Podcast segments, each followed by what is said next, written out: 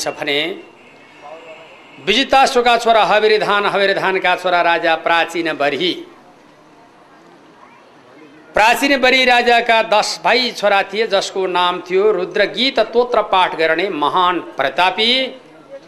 तिनीको नाम थियो दश प्रचेता। दसै भाइको एउटा श्रीमती। ल दस भाइको एउटा। पाँच पाण्डवको एउटासम्म सुन्निया थियो अघि। होइन त? दस भाइको एउटा त सुन्निया थिएन। होइन त आज सुन्नियो है नौलोको त्यो दस भाइको एउटा किन बिहा गरे? दस भाइले किन एउटा बिहा गरेका? भन्ने सम्बन्धमा घरमा झगडा नपरोस् भन्नका लागि। देउरानी जेठानी भएपछि परिहाल्यो कृति घम सङ्ग्राम अलिअलि आम्दानी भएको कि चाहिँ त झन् आम्दानी गर्नेवाली कि त झन् बस्न खप्ने हुँदैन। हाम्रो मेरो बुढाले गरेका थियो र खाछौ भनेर फन न। त्यो जेठानी हो देउरानी हो। र त्यसरी नै रहनुभन्दा बरु दस भाइको एउटी भएपछि कुरा लाउने ठाउँ पायो पाउन्न डल्लिएर उहीँ बसिरहन्छ एक्लै कसलाई कुरा लाउने? र त्यसै कारणले दस भाइको एक कन्या विवाह गरे जसले वार्षिकी नाम गरेकी कन्याको विवाह भयो। र दस भाइले एक कन्या विवाह गरेर आफ्नो दिनचर्या सारा बिताए। अब महाराज तिनीले रुद्र गीत तोत्र पाठ गर्दथे। सधैँ भगवान् शङ्करको बिन्ती गर्दथे। हरे। शङ्करलाई भन्दथे हरे। कैलासैमा शिवजी छान्छन् त कैलासैमा शिवजी छान्छन् त दर्शन दिन्छन् दिँदैनन् जाउँ जान त कैलासैमा शिवजी छान्छन् त दर्शन दिन्छन् दिँदैनन् जाउँ जान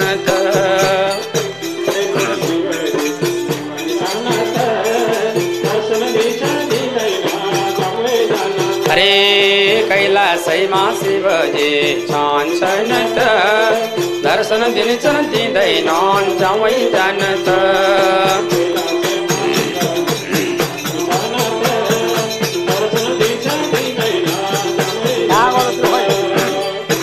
बोलायो न अँ हे कैलासैमा शिवजी छान्छन् त दर्शन दिन्छन् दिँदैनन् जाउँ जान त कैलासैमा शिवजी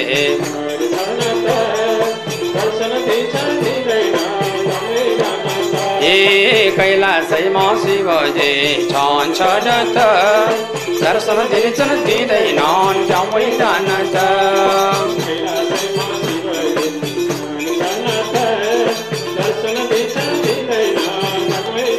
हरे कैलासैमा शिवजी छान्छन् त दर्शन दिन्छन् दिँदैनन् जाउँ जान त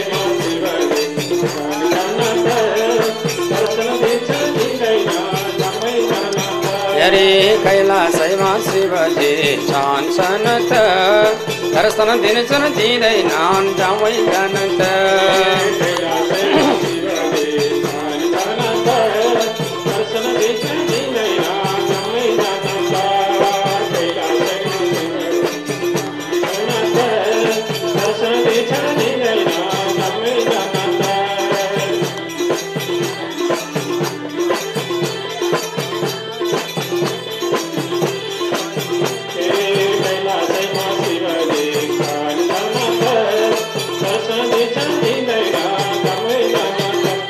दर्शन दिन्छन्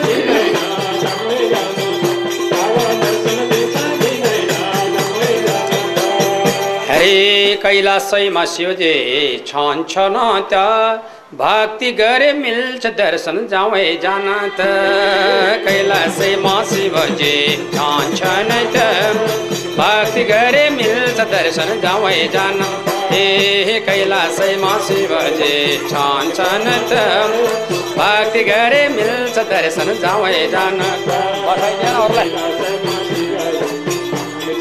त भक्ति गरे मिल्छ दर्शन जाउँ जान ए कैलासैमा शिवजी छान्छन् त भक्ति गरे मिल्छ दर्शन जाउँ जान ए कैलासैमा शिवजी। छान्छन् त भक्ति गरे मिल्छ दर्शन जानत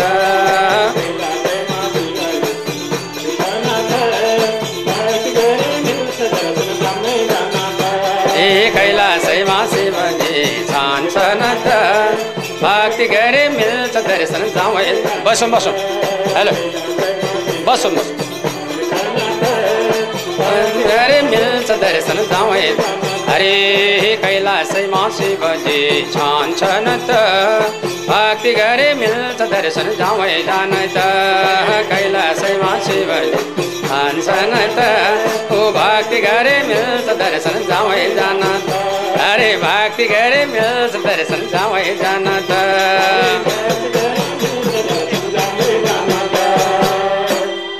नजिक नपर्ने शिवजी जाइ लाग्लान्। कडा छन्। बाँकी अंशका लागि तपाईँ के सुन्न चाहनुहुन्छ भनेर सोद्धाखेरिमा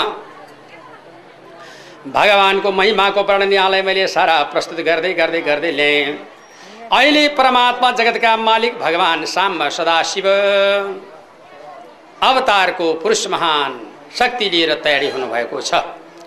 लौ त राजा परीक्षित अब तपाईँ बाँकी तपाईँ के सुन्न चाहिँ बक्सन्छ भनेर सोद्धाखेरिमा एउटा कथा छ महाराजी प्राचीन बरी नाम गरेको राजा हुनुहुन्छ एउटा ती प्राचीन बरिही नाम गरेको एक राजा छन्। त्यो प्राचीन बरी राजाको वर्णन राजा परीक्षितका हजुरमा सुखदेव स्वामीले दस प्रचेताका पिता श्री प्राचीन बरीका वर्णन यथार्थ प्रमाण गराउँदै हुनुहुन्छ भन्ने सम्मानको कथा यस अध्यायबाट जय होस् प्रभु।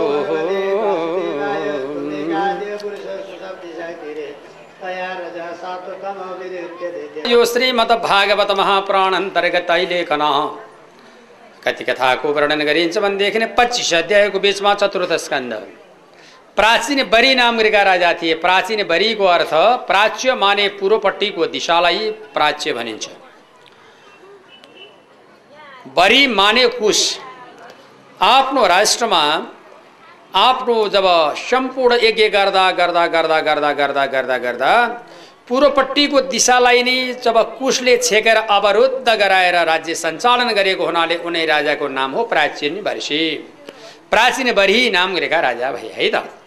यिनी प्राचीन बरी नाम गरेका राजाले अतिशयोक्ति यिनी जब हिंसा गर्थे काटबार गर्थे मासु खान्थे के मासु? ल मासु खाने कुरा बसिरह्यो हुन्छ सुन्छन् र यस्ता कुरा त। त्यस कारणले गर्दा ज्यादै मासु खाने राजा थिए। यी मासु खानेवाला राजा मासुले कहिल्यै तृप्त नहुने हिंसा गर्ने काटमार गर्ने मासु खाने अर्काको ज्यान लिने रगत बगाउने आफ्नो यज्ञ पुरा गर्ने त्यसपछिबाट बलिको प्रथाबाट आफ्नो कार्य सञ्चालन गर्ने हिंस्रक यज्ञ बढी काटमारको यज्ञ गर्दथे राजा। यसरी नै रहँदै रहँदै रहँदै जाँदा त्यस दिन एक दिन नारद ऋषि जानुभएछ उनका दरबारमा। त नारदलाई देखिसकेपछि राजा प्राचीन बरेले बहुत सम्मान साथ स्वागत गरे। गुरु आद्योमे सफल जन्म आद्योमे तारितम कुलम। मेरो जन्म जन्मान्तरको पाप नाश भएर कुलको उद्धार भएको छ। अब यसै कारणबाट हजुरलाई मेरो कोटी प्रणाम छ गुरु कहाँबाट पाल्नुभयो भन्दा महाराज म तिमीलाई भेट्न आएको एउटा कारण छ। निकै मासु खान्छौ अरे हो तिमी। भन्दा खान्छु। मासु खानु हुन्न नि? भन्नुभएको थियो रुदी राख्दैन बढिनाम मांस या सूर्य या नृप। हामी क्षेत्रीहरूले मासु खानु औचित्य हुन्छ बलिदिनु औचित्य हुन्छ। विप्र मांस विवर्जित रुदी राख्दैन बढिनाम मांस मांस या सूर्य या नृप। अघि म मासु खान्छु भनेर भने। ए राजा त्यसो नगरेर जति तपाईँले पुण्य गर्नुभएको छ नि पाउने पछिल्लो जन्मलाई पाउला जस्तो लासै छैन। गरिया पुण्य। पछिल्लो जन्मलाई पाउन पायो हुन्थ्यो भगवान् भनेर गरिया हो कि गरिया पाप पाउने कि नपाउने? पुण्य चाहिँ पाउने पाप किन नपर्ने? बस। यस कारणले किन नपर्ने? ती सबै प्रकारका कुरा पाउनु पर्दछ सरकार। यो गल्तीको कुरो हो। अब आइन्दा मासु नखानु। मेरो आज्ञा गरिबक्सेको थियो। खाने हो? म त खाने हो भनेर राजा बटारिया कुरा गरेर चलाऊ अनि राजाका त्यस्ता प्रकारका वचन सुनिसकेपछि अत्यन्त लज्जित भएर नारदृषि भन्नुहुन्छ म एउटा कथा भन्छु त्यो कथा सुनिसकेपछि मासु खाने र नखाने आफ्नो विचार त्यो म मासु खाने नखान नहुने कुरा म एउटा गरिदिन्छु है त? र त्यति गर्दा पनि तिमी खान्छौ भनेदेखि तिमी पिचासै रहेछौ गिद्दै रहेछौ भन्ने जानुला यति भन्दा पनि खान्छौ भनेदेखि। नभए अब एउटा कथा सुरु गरेँ। अब हिंसात्मक दङ्ग काटबार गर्न हुँदैन भन्ने प्रकारको युक्तिको बारेमा म एउटा व्याख्या गर्छु सुन भनेर निर्णय गर्नुभयो हस्। लौ म सुन्छु भनेर राजा बल्ल बल्ल कर लाएर सुन्न थाले।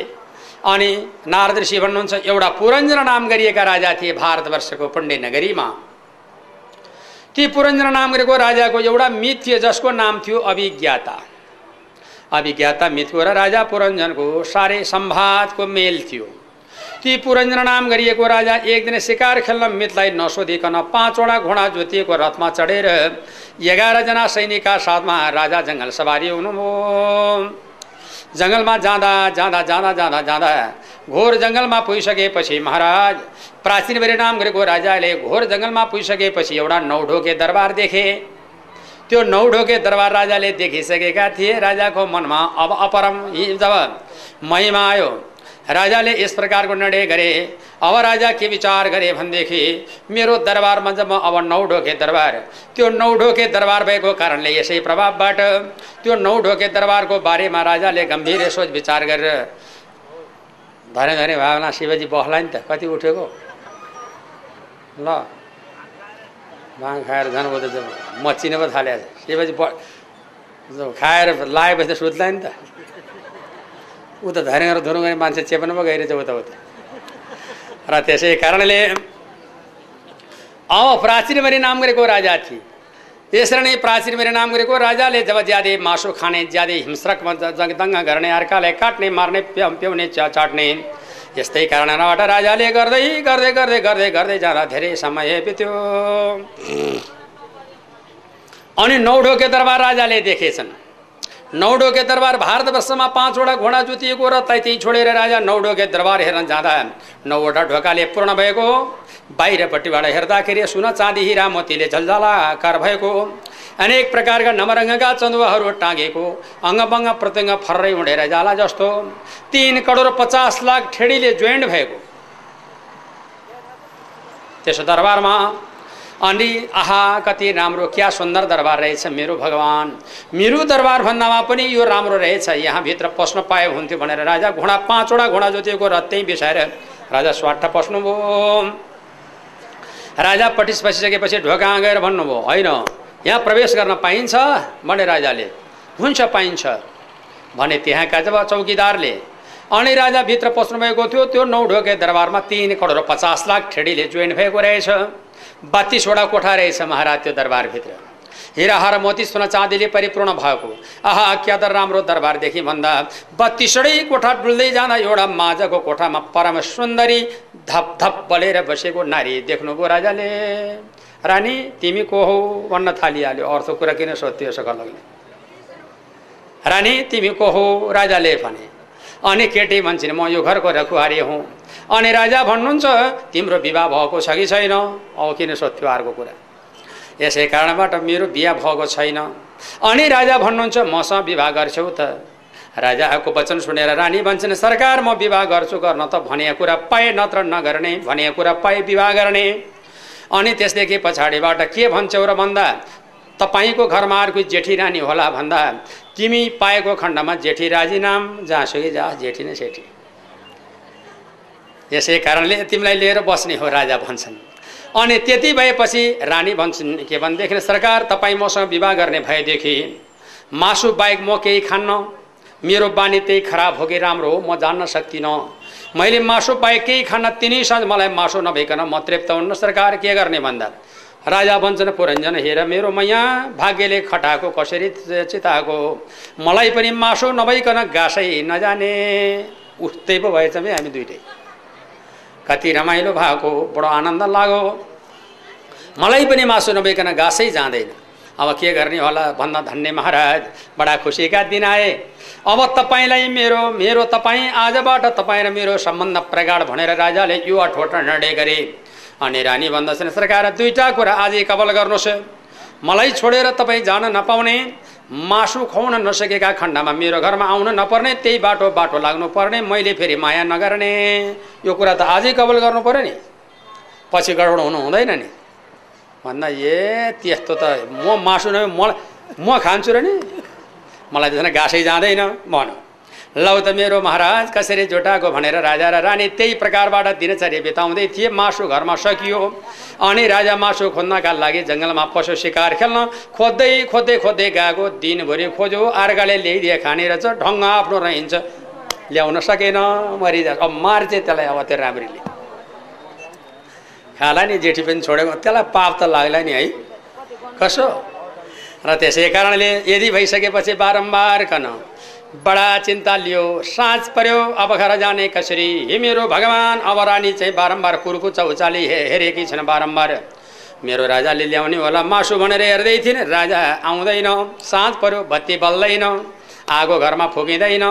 अब कहाँ जाउँ? यही प्रकारले चिन्ता लिँदा लिँदा लिँदा लिँदा राजा असाध्यै नरमाइलो मान्नुभयो र अब घरसम्म जाउँ बास दिए बस्छु नभए मर्छु भनिकन राजा जाँदै थिए। घरमा ढोका लागेको रानी बोल्दिनन् कहाँ गइन्? ढोका उगारे राजाले। यो मेरो रानी भनेर राजा खोज्न लागे ढोका ढोके घर गरे। त्यो सम्पूर्ण कोठा कोठा बत्तिस कोठा चार्दा रानी छैनन्। ए मेरो रानी तिमी यहीँ खान्थ्यौ यहीँ बस्थ्यौ। आज यहीँ सुत्थ्यौ मसँग यहीँ रमा रमाण गर्थ्यौ। आज तिमी कहाँ गयौ? भनेर राजाले धुरु धुरु रोएर पलङमा पल्टेर पलङ मुनतिर हेर्दा त पलङ मुनि रानी लुकिराखिरहेछन्। अरे रानी तिमी यता भनेर राजाले बोलाउँदाखेरि त रानी त कुहिनो फड्काएर बोल्न पर्दैन। म त म त फोरिदिउँला चिउँडो सिउँडो मासु गाड्न नपाएर त्यस्तो कालको खालको छ नि कहाँ। चिउँडो फरिदिउँला मान्छे बरु चिउँडो फरेन फोर मलाई नछोड भन्न थाल्यो। त्यस्तो थियो नि अनि के? हे मेरो रानी जे भए तापनि म माथि क्षमा राख। जो भयो मेरो गल्ती भयो अब आइन्दा म गल्ती गल्ती गर्दिनँ मेरो प्यारी म माथि क्षमा राख। मैले गरेको सारा अपराधको क्षमा राख। मैले दिनभरि टुलेको खाएको खेलेको बसेको केही छैन। तर मैले सारा सम्पूर्ण शिकार खेल्दै खेल्दै गएको एउटा फिस्टै नपाएको मर्नु हुँदैन के गर्ने? ढङ्ग रहन्छ पहिले उडेर जाँदो रहेछ। चरो पनि अर्थ पनि उडेर जाँदो रहेछ ढङ्ग रहन्छ त्यसै। ल अब आजलाई जे भए पनि महाराज बसिहाल्यौ। जे भए पनि एकपटकलाई माफी दिएँ। तिम्रो मेरो सम्बन्ध गाढ भएको हुनाले तर भोलिबाट पनि त्यसरी नै रीति आउने मासु नलिकन आउने हो भने त्यताडि लरक्कै तिम्रै जेठीबाट जाने कहाँ हो? यता हो यता हो उतै जाने। बेमान कहाँ भनेपछि हुन्छ रानी ज्यान बचाइदियो भनेर राजा प्रार्थना गर्न लागे। अनि रानीले राजाको मूल्याङ्कन गरे। यो राजा कतिको जब चतुर व्यक्ति हँ? यसले आत्मै साससँग मलाई माया गरे हो कि लोकचार परा हो? भनेर रानीले धुरो धुरो रुन थालिन् रानी। राजा पनि धुरो धुरो रुन थाल्यो त्यसै। घ सोग्न सुर्ता भोग्न भगारी त्यस्तो पनि हुँदो रहेछ कति कति। रानी खिद्का छोडेर हाँसिन् जोडदारसँग अट्टट्ट हाँस। राजा पनि खित्कै छोडेर हाँस्यो घत न विगत त्यसै। हाँसदे खुसी हुन्छन् उहाँहरू। रानी जोडदार दौडिन्। राजा पनि दौड्यो काजन लाओ पत्तो छैन। रानी गजधम्म बसिन्। राजा पनि बस्यो। रानी राम्रो स्वरले गीत गाउन थालिन्। राजा पनि थाल्यो सियाल भागा जिग्न थिएन गति। हरे बिजोकै पार्यो यसरी रहँदै रहँदै रहँदै रहँदै जाँदा धेरै वर्ष बित्यो। राजाले मासु ल्याउने रानी खाने। रानी पकाउने यस प्रकारबाट दिनचर्या आज भोलि गर्दै जाँदाखेरिमा करिब पनि यस्ता प्रकारले पचास वर्ष समस्याको समाधान युक्त बित्यो। गाए खेले नाचे सकल सकल भावनाको विकासको बडो आनन्दको दिनहरू प्रत्यावृत्ति भयो भगवत भक्तिमा चित्तवृत्ति परमात्माको नारायणको भजन मनन कीर्तन इत्यादि केही छैन महाराज खानु। सिवाय केही छैन नाच्नु गाउनु खेल्नु यसै प्रभावबाट दिन बित्यो। रानीका पासमा बस्दा बस्दा बस्दा पचास वर्ष पूर्ण भएर जब माथि लगाइसकेपछि एक दिन राजा आँगनमा झर्नुभयो पटङ्गीमा। पटङ्गीमा झरे यसो हेर्दा त नौ ढोकाको दरबार त भर्लङ भर्लङ गइसक्यो रहेछ कता कता धमिलो पाना देखिएको हो। अनि नमरङ्गका चन्दुवाहरू स्याट स्याट च्यातिसकेका। अनि त्यसपछिबाट हिराहार मोतीहरू सारा सम्पूर्णमा अमिलिसियापना देखिसकेको। अनि दरबारपट्टि यसो हेर्दाखेरिमा त तिन सय साठी काला र तिन सय साठी सेता मोसाले दरबारको ज्वरो पट्टा पट खोतलिरहेको। अरे बाबा के हो? अनि राजा दङ्ग परे तिन सय साठी काला र सेता मोसाले दरबारको ज्वरो खोतलिएको देखेर अनि राजा घर नजिक पुग्नुभयो।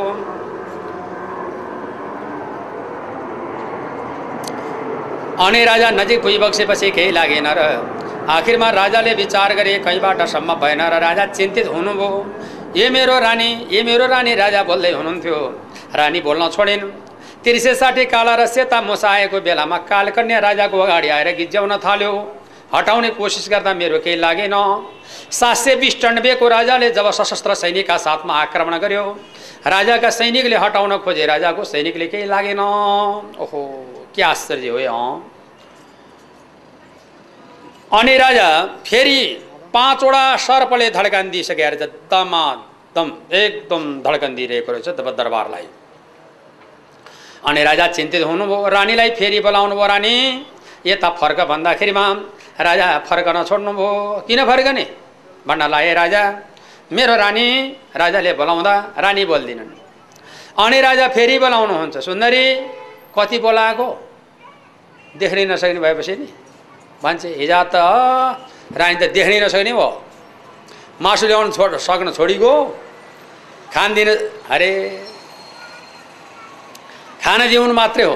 खान दिउन्जेल मात्रै हो। हाम्रो उहाँ हाम्रो हजुर हाम्रो सानुको बुवा हाम्रो उहाँ नभए त आफूलाई कस्तो विधि? ल लैदिएदिनँ रित्ते गादिनँ कुनै त्यसलाई कहाँ लयो मलाई नसोध है त्यसलाई झाँसुकी लैजाउँ। ल त्यहाँ। कस्ता छन्? यहाँ आएको छैन छैन त्यस्ता कुन? जेसुकै हुन्। र त्यसै कारणले हे मेरो प्रभु सारे बाधा पर्यो राजालाई अब कष्ट पर्यो ईश्वर भगवान् म कहाँ जाने हो? धुरु धुरु राजा हुनुहुन्छ बडो सङ्कटमा पर्यो राजालाई। अब उपाय छैन कहीँबाट राजा। उम्कन सक्ने स्थिति नभएको हुनाले तिन सय साठी काला र तिन सय साठी सेता मुसाले राजाको दरबार घेर्यो। सात सय बिस राजाले आक्रमण गर्यो। राजा बडो आतुरमा पर्नुभयो र लौ मेरो भगवान् जीवन जाने भयो भन्दै राजा भन्नुहुन्छ आज भन्यो भोलि भन्यो जिन्दगी यो बित्यो नि हरि भजन कहिले नबोल आज भन्यो भोलि भन्यो जिन्दगी यो बित्यो नि हरि भजन कहिले नबोल को सम्बन्ध बडा प्रगाढ थियो बुढो भयो। रानीलाई राजाले टेर्न छोडिन्। राजा मासु ल्याएर खुवाउन नसक्ने भए। राजा बारम्बार चिन्तातुर व्याकुल भए। रानी जब भनेको मन नछोडिन्। धुरु धुरु रुन लाग्नुभयो राजा। ए मेरो रानी यता फर्कन। अह। फर्किनु फर्किन्न भन्न थाले ए मेरो भगवान् यो मेरो रानी मेरो माया लाग्दैन भन्न लाए राजाले। लाग्दैन म त। हा मासु खान नपाएपछि माया नै साय ल भयो ए मेरो रानी तिमीसँग बसेको खेलेको खाएको यो सारा बिर्स्यौ भन्दा मैले आऊ भने पनि होइन बस भने पनि छैन। जुन बाटो आएको त्यही बाटो जाने मासु खुवाउन नसकेपछि मेरो घरमा अन्न बस्ने। ल। मरिजा तँलाई जेठीको पाप लाग्यो उहाँकीलाई बदमासलाई कहाँ? र त्यसै कारणले ल मेरो प्रभु अब जीवन गयो अब के गर्ने होला? मलाई सङ्कटमा पर्यो मेरो भुमरीको रक्षा गरी बक्सनु पर्यो मलाई भुमरीमा पार्नु भएन।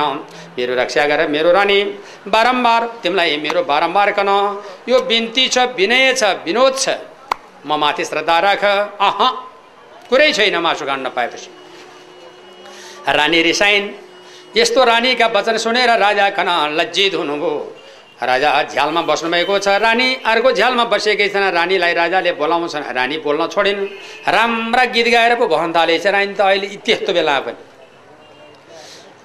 यता तिन सय साठी काला र सेता मुसाले दरबारको ज्वरो खोतलिएको छ धुरी भत्किसकेको छ। अङ्गबङ्ग प्रत्यङ्ग सारा टुटिसकेको छ। नमरङ्गको चन्दुवा च्यातिएको छ। पाँचवटा सर्पले धड्कान दिएर जब दरबार बेरेको छ सात सय बिस भएको राजाले घेरेको छ। कालकन्याले गिज्याएको छ। तिन सय साठी काला र सेता मोसाले दरबारको ज्वरो खोतलिया छ। त्यस्तो बेला नि गीत गाएर बस्थ्यो त्यो। कस्तो छ कस्तो चाहिँ हो गीत पनि। आनन्दसँग बसिरहेको बेलामा लौ न मेरो भगवान्। ए मेरो हरि म कहाँ जाउँ भनेर धुरु धुरु धुरु केटी रानी रुन लागेकी थिइन्। अनि राजा रुन लागेका थिए केटी कन यस कारणबाट रानी कति पनि विचलित हुन सकेनन्। राजा बोलाउनुहुन्छ मेरो महारानी अब म हाम फालौँ के भनेर राजा हाम फाल्न भनेर जोडदारसँग लागेको बेलामा सातवटा समुद्रले परक बेरेको। सातवटा समुद्रले परक बेरिसकेको रहेछ दरबारलाई। यही सातवटा समुद्रले बेरेको भए तापनि हाम फाल्छु भनेर लाग्दाखेरिमा त्यो सातवटा समुद्रले बेरेर गएको बेलामा त्यो माझको बिचमा राजाको अगाडि माछा कछुवा र भ्यागुता र गोही ठाडो मुन्टो लाएर बसेको। ए मेरो भगवान् ती बसिरहँ। माछा कछुवा र यो सरी ढल्ने हाम फालौँ माछा कछुवा र भ्यागुताले आफूलाई जब डस्ने अब म कहाँ जाउँ राजा बडो आत्तिनु भयो। महारानी अब यता हेर न मेरो प्यारे। अघिको कुरा सम्झन मर्न थाले राजाले। बिर्सी मैले त सम्झन सम्झन। भन्छ त्यो त। अरे ओ कस्तो बदमास है। राजा बारम्बार कन सम्झाउनुहुन्छ भो भन् कति बोलेको कति नजिक नजिक आएको देख्न नसक्दा नि पो भन् थालेछ जात त ल भो। राजा भन्नुहुन्छ मेरो रानी त्यसो नभन भन्दै हुनुहुन्थ्यो सातवटा समुद्रले दरबार बेरेको माछा कछुवा र भ्यागो तारा गए। कहिले राजा खस्ला र खम्ला भएर हेरिरहेको त्यही बेलामा गर्लममा दरबार ढल्यो महाराज। रानी कहाँ गइन् रानी रानी रानी भनेर राजा मरे। अघिल्लो जन्ममा रानीलाई सम्झेर मरेको हुनाले पछिल्लो जन्म राजा त्रिजाति भएर जन्मनु भयो।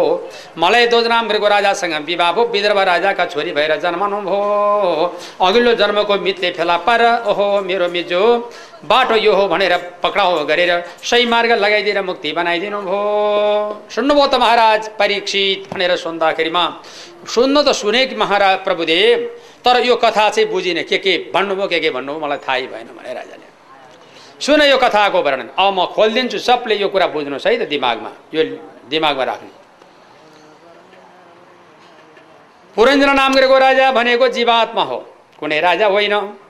उसको अभिज्ञाता मित भनेको परमात्मा हो। परमात्माको र जीवात्माको बहुत सम्बन्ध थियो। मित भनेको सम्बन्ध थियो। पाँचवटा घोडा जोतिएको रथमा चढेर राजा शिकारमा गए भनेको पञ्च प्रकृतिका बसमा परेर राजा जङ्गलमा गए। एघारवटा साथीहरू थिए भनेर भनेको महाराज एघारवटा इन्द्रियहरू थिए है त? अनि राजा दरबारमा घोडा चढेर शिकारमा गए भनेको अज्ञान खोज्न भनेर गएको। नौढोके दरबार राजाले देखे भनेको चाहिँ हाम्रो शरीर हो नौढोका दुईवटा आँखा दुई ढोका चार दुई दुई कान चार ढोका। नाका प्वालले छ ढोका मुखले सात ढोका मलद्वारले नौ ढोका नौ ढोका शरीरहरू हो है त? बाहिर होइन। तिन करोड पचास लाख ठेडी मैले भने त्यो ठेडी भनेको कपालहरू हो रौँहरू हो शरीरमा। तिन करोड पचास लाख शरीरमा रौँहरू हुन्छ। अनि त्यसदेखि पछाडि भित्र बत्तिस कोठा रहेछ भनेको। यहाँ बत्तिसवटा कोठा हुन्छ पाठ पूर्जा बत्तिसवटा हुन्छ। अनि त्यहाँभित्र रानी भनेको माया हो महाराज कुनै केटी होइन माया फेला पार्यो। जीवले मायासँग सम्बन्ध राख्यो मायाले जे भन्यो जब जीव त्यही डोरेटमा हिँड्न लाग्यो अनि यसरी रहँदा रहँदा रहँदा रहँदा अनि सिकार खेल्न भनेर अज्ञान खोज्न गएको माया रिसाएको मोहभङ्ग भएको अनि पाँचवटा सर्पले धड्कान दिएको भनेको प्राणपान बिहान उदान र समान पाँचवटा वायुले धड्कान दिएको अब मेरो सरकार त्यो नौ ढोके दरबार त अब नमरङ्गका चन्दुवा टाँगेको भनेको यी टोपी लाउनु परेको माला लाउनु परेको दुई तिनवटा कतिवटा छ र त्यसपछिबाट फेरि यो भयो यता स्वेटर भयो के के भयो जब सम्पूर्ण शरीरमा गहना र गुरिया लाउनु परेको यी नमरङ्गका चन्दुवा भए सुनचाँदी हिरामतीले झलझलाकार भनेको गहना र गुरियाले पूर्ण भएको हो। र अनि त्यसदेखि पछाडि अङ्गभङ्ग प्रत्यङ्ग ज्यादै सुन्दरताले पूर्ण भएको महाराज शरीर रूपी देह अनि नौढोके दरबार रूपी शरीरमा जब यस कारणबाट जीवात्माको र मायाको जब ठुलो सम्वाद प्राप्त भएको अनि आज सा जब तिन सय साठी काल तिन सय साठी सेता मुसाहरूले दरबारको ज्वरो खोताले भनेको वर्ष दिनका तिन सय साठी काला भनेको रात तिन सय साठी सेता भनेको दिन। दिन लिएर रातले आफ्नो ज्वरो खोतलेको आयु काटेको। सात सय बिस सन्नब्बेको राजाले आक्रमण गर्यो भने सात सय बिस भनेको चाहिँ सम्मत्सर सम्मत्सरले हामीलाई आक्रमण गरेको। वर्ष चटट काटेको। कालकन्याले गिज्यायो भनेको चाहिँ बुढ्याइले गिज्याएको। बुढ्याइ लाएपछि के लाग्छ र जतिसुकै सिँगारी पनि के गर्ने? जतिसुकै छाँड पो के गर्ने बुढ्याइ लाएपछि? अनेक गर्छन् गर्न त हरेक गर्छन् अनेक गर्छन् तै पनि हुन्छ है भएर के गर्ने मुख नधुन्जेल ठिक मुख धोयो जस्ता फेरि अब के लाग्छ यसै प्रकारले गर्दाखेरिमा अब कालकन्याले के ज्याएको अनि सात सय बिस चण्डबेको राजाले आक्रमण गरेको भनेको एक संवत्सरले दिन रातले सरास्र काट्दै लगेको महाराज. अनि सातवटा समुद्रले परक बेरेको मैले भने। त्यो सातवटा समुद्र भनेको जाए जेता हाँडो भाँडो तामा कसलले आफूलाई जान उम्कन नदिएको। त्यसलाई पनि काटेर जान्छु भनेर लागेको माछा कचुवा र भ्यागुता र गोही ठाडो मुन्टो लाएर बुढो र बुढी झरेपछि खान्छु भनेर बसेको भने चाहिँ। माछा कचुवा भ्यागुता र गोही भनेको छोरा बुहारी नाति नातिनी परिवार कहिले बुढो र बुढी जालन र त्यसको सम्पत्ति लुटौँला भनेर ट्वाल्लको ट्वाल्ल हेरिरहेको। यसरी बुझ्नु। शरीर रूपी दिए कर्लमा ढल्यो माछा र कछुवा रूपी सारा सम्पूर्ण परिवार छोरा नातिले खाए। आफ्नो जीवन यतातिर गयो। अब जाने कहाँ हो? मेरो सरकार जीवन गयो। खतम भयो नरको बास भयो। राजा प्राचीनभरि यही कुरा तपाईँलाई मैले बताएको मासु खान हुन्न भन्ने कथा यसैमा ल्याएको सरकार। यस्तो जीवन भएको कारणले जगत बुझाउनका लागि जीवनको व्याख्या मैले गरेको अब आइन्दा तपाईँले मासु खान नहोला। खाएमा तपाईँ नरको बास होला। जति तपाईँले गरेको पुण्य गर्नुभयो त्यो पुण्यको प्रभाव जसरी पाउनुपर्ने हो पापको पनि त्यही प्रकारले भोग गर्नुपर्ने हुन्छ। जति सिकार खेलेर सिकारे भनेर हिँड्नुभयो तपाईँ भोलि तपाईँलाई सिकार बनाएर उनीहरू सम्पूर्ण तपाईँले मारेका जति जनावरहरू सिकार बन् खेल्दै छन् तपाईँमाथि? कतिले पैँचो बुझाउनुहुन्छ? यदि मैले भनेको वचन मानियो भने आजैका विधिबाट मासु छोड्नु पर्यो लौ त। भन्दाखेरिमा हुन्छ मेरो परमात्मा आजैका मितिबाट म मासु छोडिदिन्छु भनिकन। राजा जब त्यत्रो श्री सम्पत्ति सारा त्यागेर गङ्गा सागर सवारी हुनुभयो लौ त मासु छोड्ने भए कतिजनाले छोड्ने हात उठाउँ त लौ त। छ?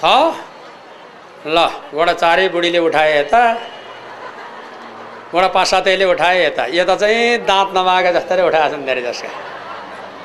ल भयो दाँत छैन हो कि बुहारीले खान नदिएर हो तिनीले उठाएछन्। ल बसौँ बसौँ। र के गर्ने? अब छाँडकाँडकाले कसै कसैले नै उठाएको छैन यतापट्टि एउटा दानै उठेन। लौ त छ कतै? ल त्यो होइन साँच्चीकै छोडे हो। हो? फेरि खानुहुन्न नि दसैँमा घिरौँला परिन्छ नि पर्न त। कसो त्यसै कारणबाट भरिसके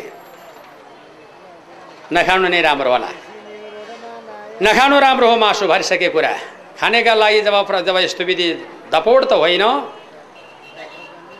तर मेरो विचारमा नखानु बेस होला हात उठ्यो त यता के को उठ्थ्यो कति वर्ष भयो छोडे लौ नि त लौ त्यस कारणले गर्दाखेरिमा अब यो मासु जब नखाँदा बेस होला। हामी एउटा मानिसको रगत अर्को मानिसलाई लिनु दिनु पऱ्यो भने दसौँजनाको चेकअप गरेपछि मात्र एउटाको मिल्छ। नत्र मिल्दैन।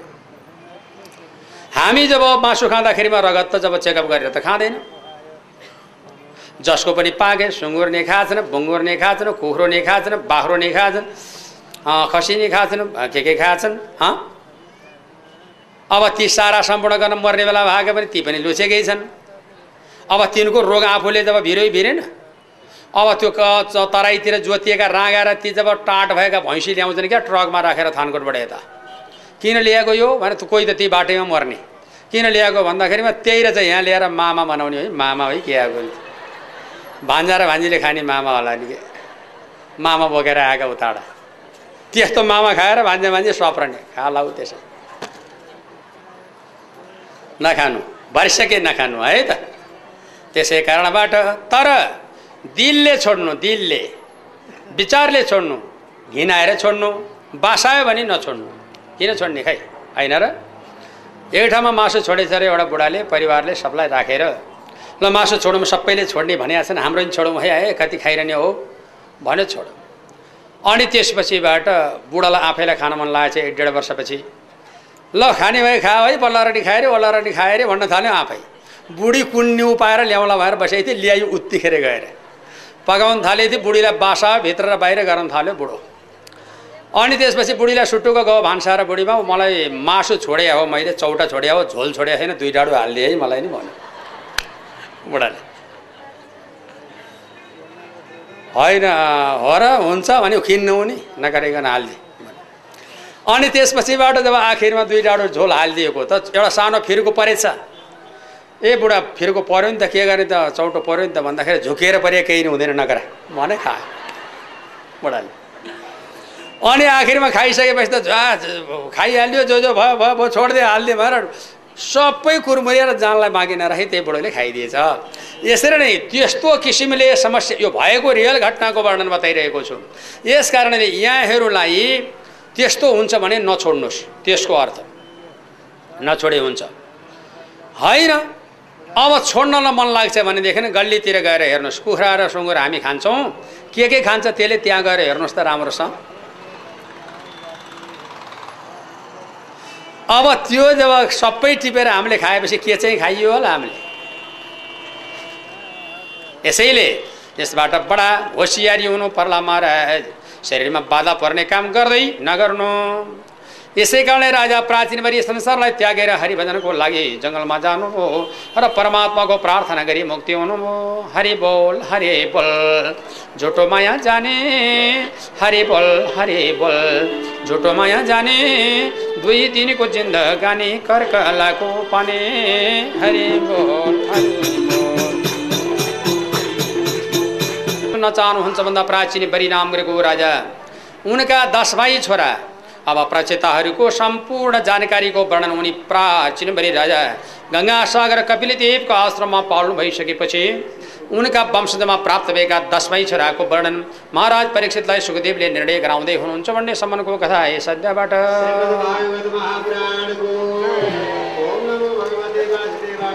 क्षमादरणीय श्रोता महानुभावहरू श्रीमद् भागवत सप्ताह रूपी ज्ञान महायज्ञ दुई हजार साठीको काठमाडौँ कोटेश्वर वडा नम्बर पैँतिस महानगरपालिकामा सामुदायिक एक किसिमको भवन निर्माण गर्नका लागि सञ्चालित महायज्ञको लागि सहयोग गर्दै हुनुहुन्छ महायज्ञको लागि और मनन भजन गरेर दस प्रचिताले वार्षिकी नामग्रेकी कन्याको साथमा दक्ष नामग्रेका छोरा जन्माएर भगवत भक्तिमा चित्त वृत्ति गरी परमात्माको प्रार्थना गरी विधावादी हुनुभयो यिनी दस भाइका छोरा प्रजेताहरूका छोरा दक्ष नामगिरीका राजा जन्माउनुभयो उनीहरूले भगवान् शिवजीको अत्यन्त आपत परेका बेलामा बिन्ती गर्दछ हरे शिवशङ्कर भोला शिवशङ्कर भोला दर्शन दिन के होला बित्दै लाग्यो बेला? हरे शिवशङ्कर भोला शिवशङ्कर भोला दर्शन दिन के होला बित्दै लाग्यो बेला?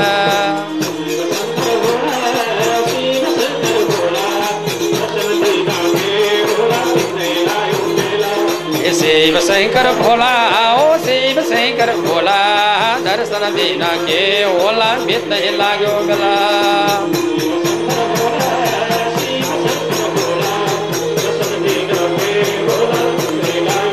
ए शिव शङ्कर भोला ओ शिव शङ्कर भोला दर्शन दिन के होला बित्दै लाग्यो बेला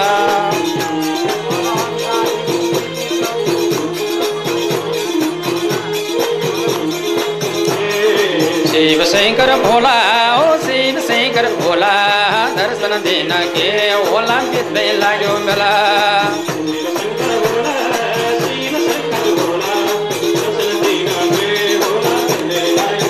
ए शिव शंकर भोला, ओ शिव शङ्कर भोला, दर्शन दिन के होला बित्दै लाग्यो बेला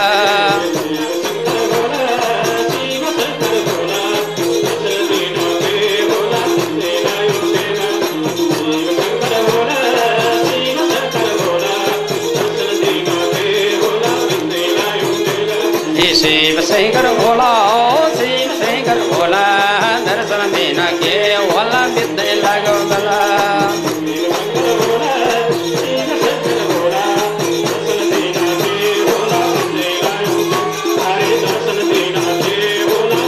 प्रभु दर्शन दिन के होला बित्दै लाग्यो बेला महाराज परीक्षितलाई सुखदेवले बताउनु भयो शिवजीको रुद्र गीत नाम गरेको तोत्र पाठ भगवान् साम्ब सदा शिवजीका अनुयायी।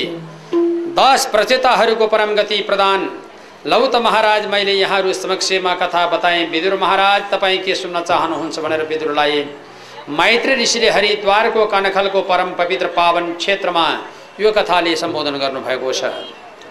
राजन म अत्यन्त खुसी छु हजुरबाट पाएको कथा रूपी अमृतको प्रभावबाट आत्मज्ञान सम्बन्धीको विचारको विवेक जीवन र जगतको अध्ययनको प्रकरण यहाँहरूले मलाई जब जीवनलाई जगतमा लगेर परिणत गराइदिई बसेको छ बडा आनन्द लाग्यो र अब म यहाँबाट विदा हुन्छु भनेर विदुर राजा त्यहाँबाट सरास्त्रकन गङ्गा सागर मैत्री ऋषि जानुभयो हरिद्वारमा विदुर आउनुभयो विदुर मैत्री सम्वाद सम्पन्न भयो।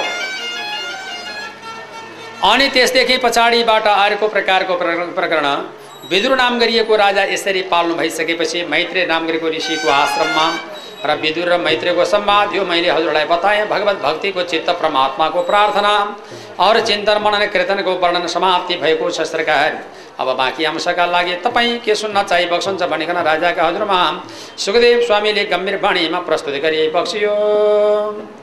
लौ त सरकार अब तपाईँ के सुन्न चाहनुहुन्छ भनेर श्रीमद् भागवतको महत्त्वपूर्ण विवेकहरू र विचारहरू ज्ञानवर्धक महिमाहरू सारा सम्पूर्ण यथार्थ जानकारी गराउँदै हुनुहुन्छ।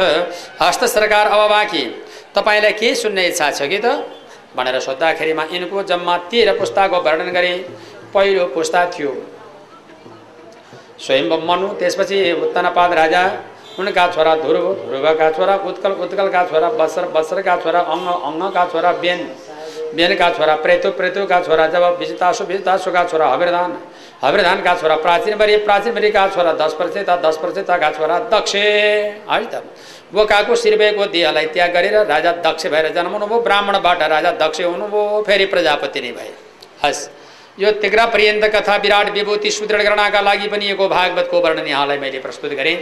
अब यहाँलाई जाङ पर्यन्त पञ्चम स्कन्दको कथा उकाल्दैछु अब पञ्चम स्कन्दमा के सुन्न चाहनुहुन्छ भनेर राजा परिषद महाराजलाई सुखदेव बडो गम्भीर बाणीमा यथार्थ जानकारी गराउँदै हुनुहुन्छ भन्ने सम्बन्धको कथा है सद्यबाट।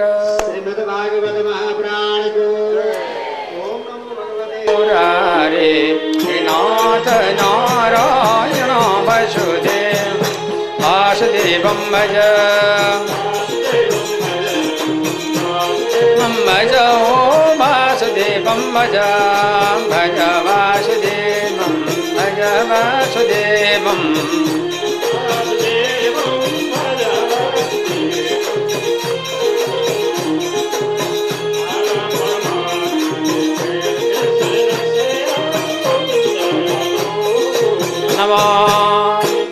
ओम श्री गणेशाय नमो राजो वाचम ओम नमो भगवते वासुदेवाय प्रियव्रतो भागवत आत्मरामं कथं मुने। रमतेर्मूल कर्मबन्ध पराभवामयो श्रीमद् भागवत पञ्चम स्कन्दको पहिलो अध्याय। राजा परीक्षितलाई सुखदेव स्वामीले बताउनुभयो हस्त सरकार। यसै प्रसङ्गको बिचमा अब त्यहाँ देख्नु प्रान्तमा यहाँलाई मैले जुन कथाले प्रमाण गर्दै गर्दै गर्दै ल्याएँ। अब प्रियव्रत नाम गरेका राजा स्वयं मनुका कान्छा छोरा।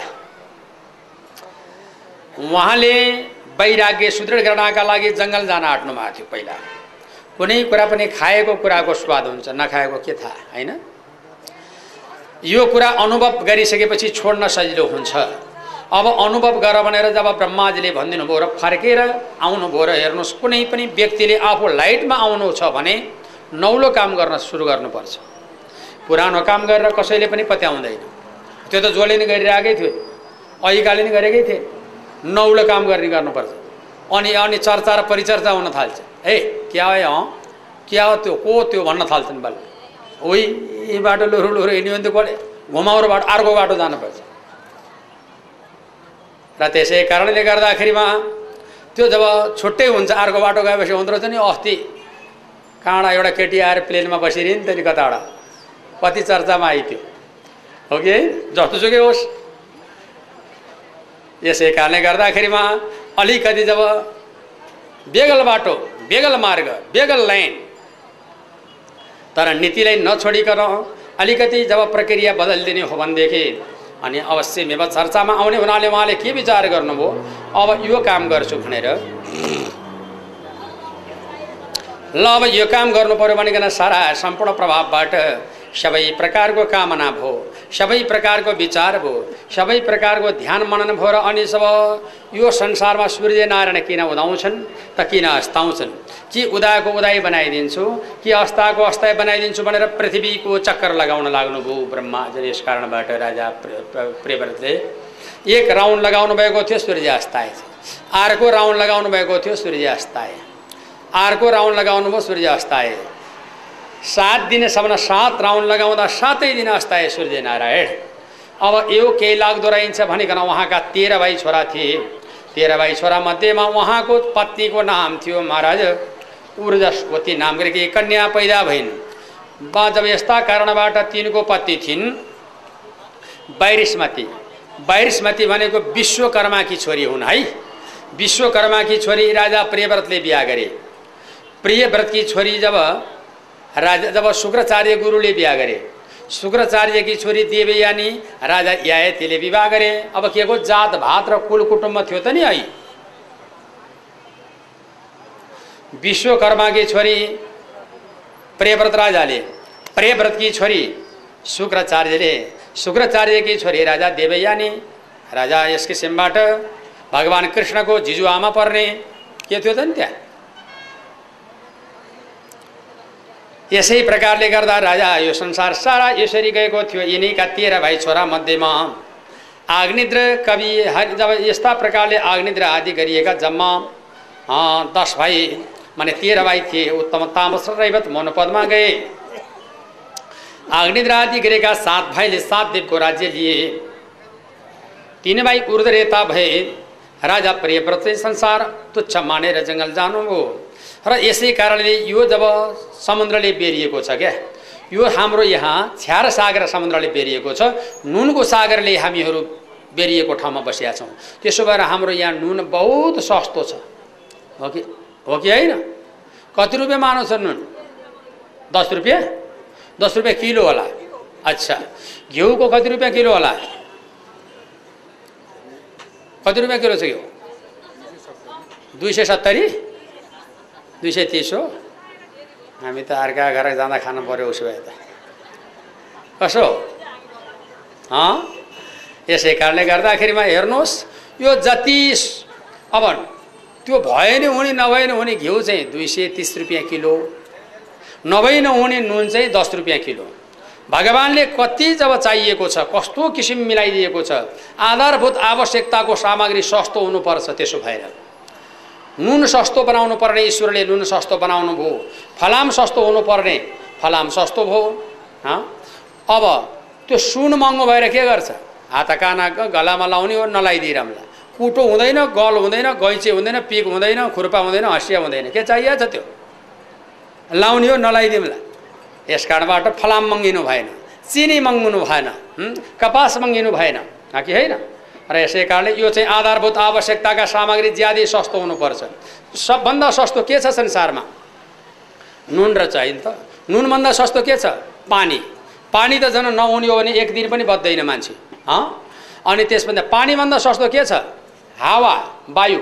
वायु त झन् जब दुई सेकेन्ड माने दुई मिनट वायु रोका भयो भने कसका बम कसका बाढी कसका तोफान कसका हात हतियार सोत्तर दुई मिनटमा समाप्ति हुन्छ। यसै कारणबाट त्यस्तो चिज प्रभुले सस्तै सित्तिकै दिनुभएको छ। होइन? यस्तो सोच्नु पर्यो। यही हो ईश्वरको खेल भनेको। हाम्रा हामीले बनाएका चिज चाहिँ कति महँगो छैन। काँचा पुतलीलाई कति पर्छ? हेर्नुहोस् त। त्यत्रो वायुमण्डल छोड्ने प्रभुलाई केही छैन। अह त्यसै दिनुभएको छ। आधारभूत आवश्यकताका सामग्री सस्तो हुनुपर्छ। त्यसो भएर यो सिमन्दरमा बस्नेहरूले सुन्नुपर्छ त्यो कुरा। यिनलाई के थाहा त्यो कुरा? आधारभूत आवश्यकताका सामग्री सस्तो हुनुपर्छ। म त बारम्बार भन्छु त्यस्तो आउँदैन नि यहाँ अनि के गर्ने? त्यो त्यो खौवा आउँदैनन्? के गर्ने? इसारा सम्पूर्ण त्यो सस्तो हुनु पऱ्यो नुन सस्तो हुनु पऱ्यो फलाम सस्तो हुनु पऱ्यो चिनी सस्तो हुनु पऱ्यो कपास सस्तो हुनु पऱ्यो घरेलु कपडा सस्तो हुनु पऱ्यो त्यो चुरोट के? त्यसलाई एक खिललाई पाँच सय रुपियाँ भन्दिनँ हुन्थ्यो के चाहिएको छ त्यो? त्यो अर्को खाएर पछाडि नि त्यो एक मानालाई दस हजार भनिदिनु हुन्थ्यो बरु। के चाहिएको छ त्यो? त्यही पनि ल्याएर घर सिरानमा राखेर सुँगेर बसिरहँदा आउने कि? ओहो कति मिठो है बासा आएको भनेर त्यो सुँगेर बसिरहँदा हुन्थ्यो हेर्नुहोस् यस्ता नचाहिँदा कुरा किन जब सस्तो बनाउने? ती महँगो बनाइदिनु पऱ्यो आधारभूत आवश्यकताका सामग्री सस्तो हुनु पऱ्यो तब यो सरकारको विवेकमा हुनुपर्ने कुरा हो। र यस कारणले मात्रै मुलुकको विकास र निर्माण हुन्छ। अनि सबलाई जब सुलभ हुन्छ आनन्द आउँछ विलासिताको चिजहरू जब ज्यादै महँगो हुनु पऱ्यो विलासिताका सामग्री जतिसुकै महँगो भए पनि हुन्छ के आवश्यक? र त्यसै कारणले राजा परीक्षितका हजुरमा सुखदेव स्वामीले यस प्रकारबाट निर्णय गराउनु भयो अनि बाँकी अंशका लागि सारा सम्पूर्णले यो प्रकारको विचार गरेर सबै प्रकारको ध्यान सबै प्रकारको लक्षणमा अब राजा अप्रेवर्दे संसारलाई त्याग्नुभयो तेह्र भाइ छोरामध्येमा आग्निद्र भन्नेलाई जेठोलाई जम्मू द्वीपको राज्य दिनुभयो। जम्मू प्लक्ष सालमले कुश क्रौच साका पुष्कर भन्ने सातवटा दिप गाडीको टायरले खिचेको जग्गा खाल्डो भयो पानी जम्यो सागर भयो। गाडीको टायरले नखिचेको जग्गा टापु भयो त्यसलाई द्वीप बनाइयो। सात समुद्र सात द्वीप। सात भाइ राजालाई सात ठाउँको द्वीपको राज्य सञ्चालन गरेर राजा प्रियव्रत आफ्नै महारानीलाई छोडेर जङ्गल जाएर एघार अवृत वर्ष पछाडि मुक्ति हुनुभयो महाराज परीक्षित यस्तो छ कथा। यसै कारणले जसरी हुन्छ सम्झिरहनु दिन दिनमा सिरारी हरे राम नाम जपेर पार हो राम नाम जपेर पार हो जिन्दगीको भर छैन कहिले मर्ने हो। नाम जपेर